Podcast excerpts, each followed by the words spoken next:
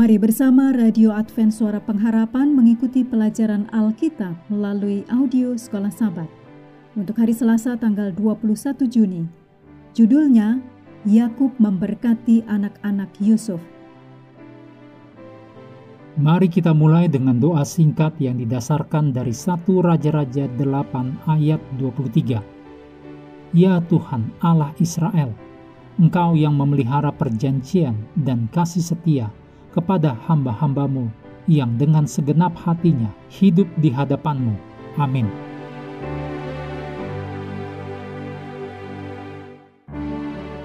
Ketika Yakub mendekati kematian, dia mengingat kepulangannya sebelumnya ke Betel yang dicatat dalam kejadian 35 ayat 1 sampai 15.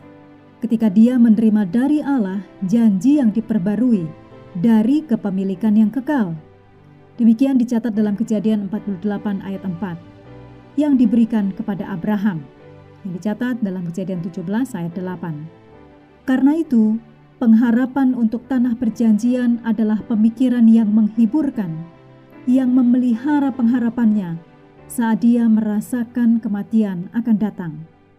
Yakub kemudian berpaling kepada kedua anak lelaki Yusuf yang lahir di Mesir dan memberkati mereka namun melakukannya dalam konteks janji masa depan mengenai keturunannya sendiri. Kejadian 48 mencatat Yakub memberkati Manase dan Efraim, cucu yang adalah kedua anak lelaki Yusuf dan bukan cucunya yang lain. Dua anak lelaki Yusuf yaitu Manase dan Efraim adalah satu-satunya cucu lelaki yang diberkati Yakub.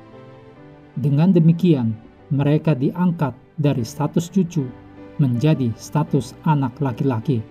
Demikian dicatat dalam Kejadian 48 ayat 5. Meskipun berkat Yakub menyeratkan keunggulan anak yang kedua, yaitu Efraim, atas anak yang pertama, yaitu Manasye, berkat Yakub pada dasarnya menyangkut kepada diri Yusuf.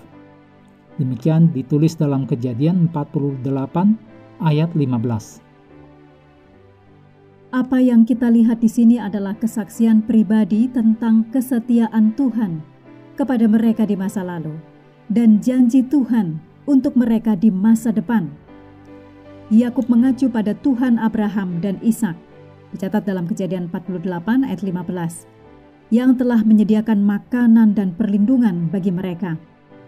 Itu adalah Tuhan yang sama yang telah melepaskan aku dari segala bahaya. Dicatat dalam kejadian 48 ayat 16. Yakub juga memikirkan Allah yang di Betel itu.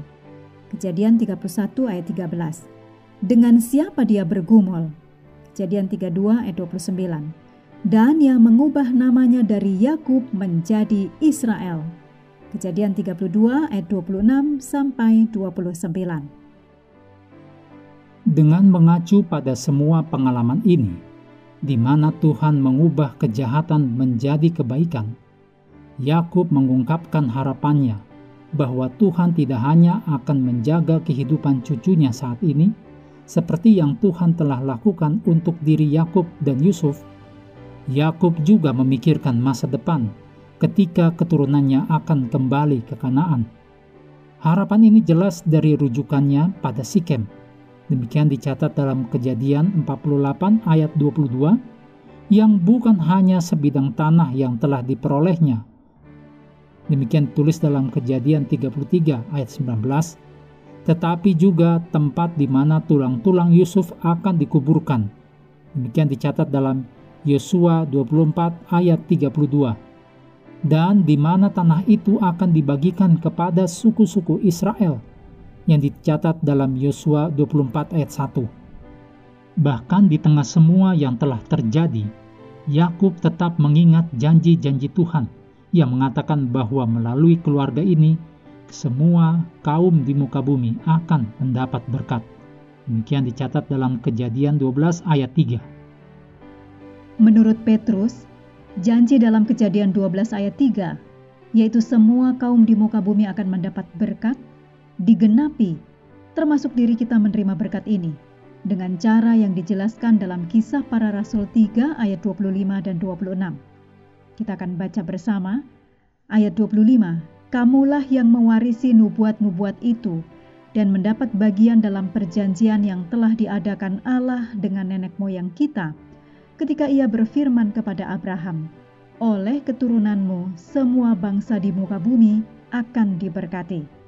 Ayat 26 Dan bagi kamulah pertama-tama Allah membangkitkan hambanya dan mengutusnya kepada kamu, supaya ia memberkati kamu dengan memimpin kamu masing-masing kembali dari segala kejahatanmu. Mengakhiri pelajaran hari ini, mari kita kembali ke ayat hafalan kita dalam Kejadian 47 ayat 27. Maka diamlah Israel di tanah Mesir, di tanah Goshen, dan mereka menjadi penduduk di situ. Mereka beranak cucu dan sangat bertambah banyak. Pendengar yang dikasihi Tuhan, di tahun ke-35 pelayanan AWR Indonesia, kisah dan kesaksian pendengar terkait siaran dan pelayanan audio kami – terus-menerus dikompilasi. Terima kasih banyak untuk yang sudah menyampaikan dan masih terbuka bagi Anda semua untuk segera SMS atau telepon ke nomor AWR di 0821 1061 1595 atau 0816 1188 302 untuk WhatsApp dan Telegram. Kami tunggu para pendengar dukungan Anda. Hendaklah kita terus tekun mengambil waktu bersekutu dengan Tuhan setiap hari bersama dengan seluruh anggota keluarga. Baik melalui renungan harian, pelajaran sekolah sahabat, juga bacaan Alkitab sedunia percayalah kepada nabi-nabinya, yang untuk hari ini melanjutkan dari ulangan pasal ke-6. Tuhan memberkati kita semua.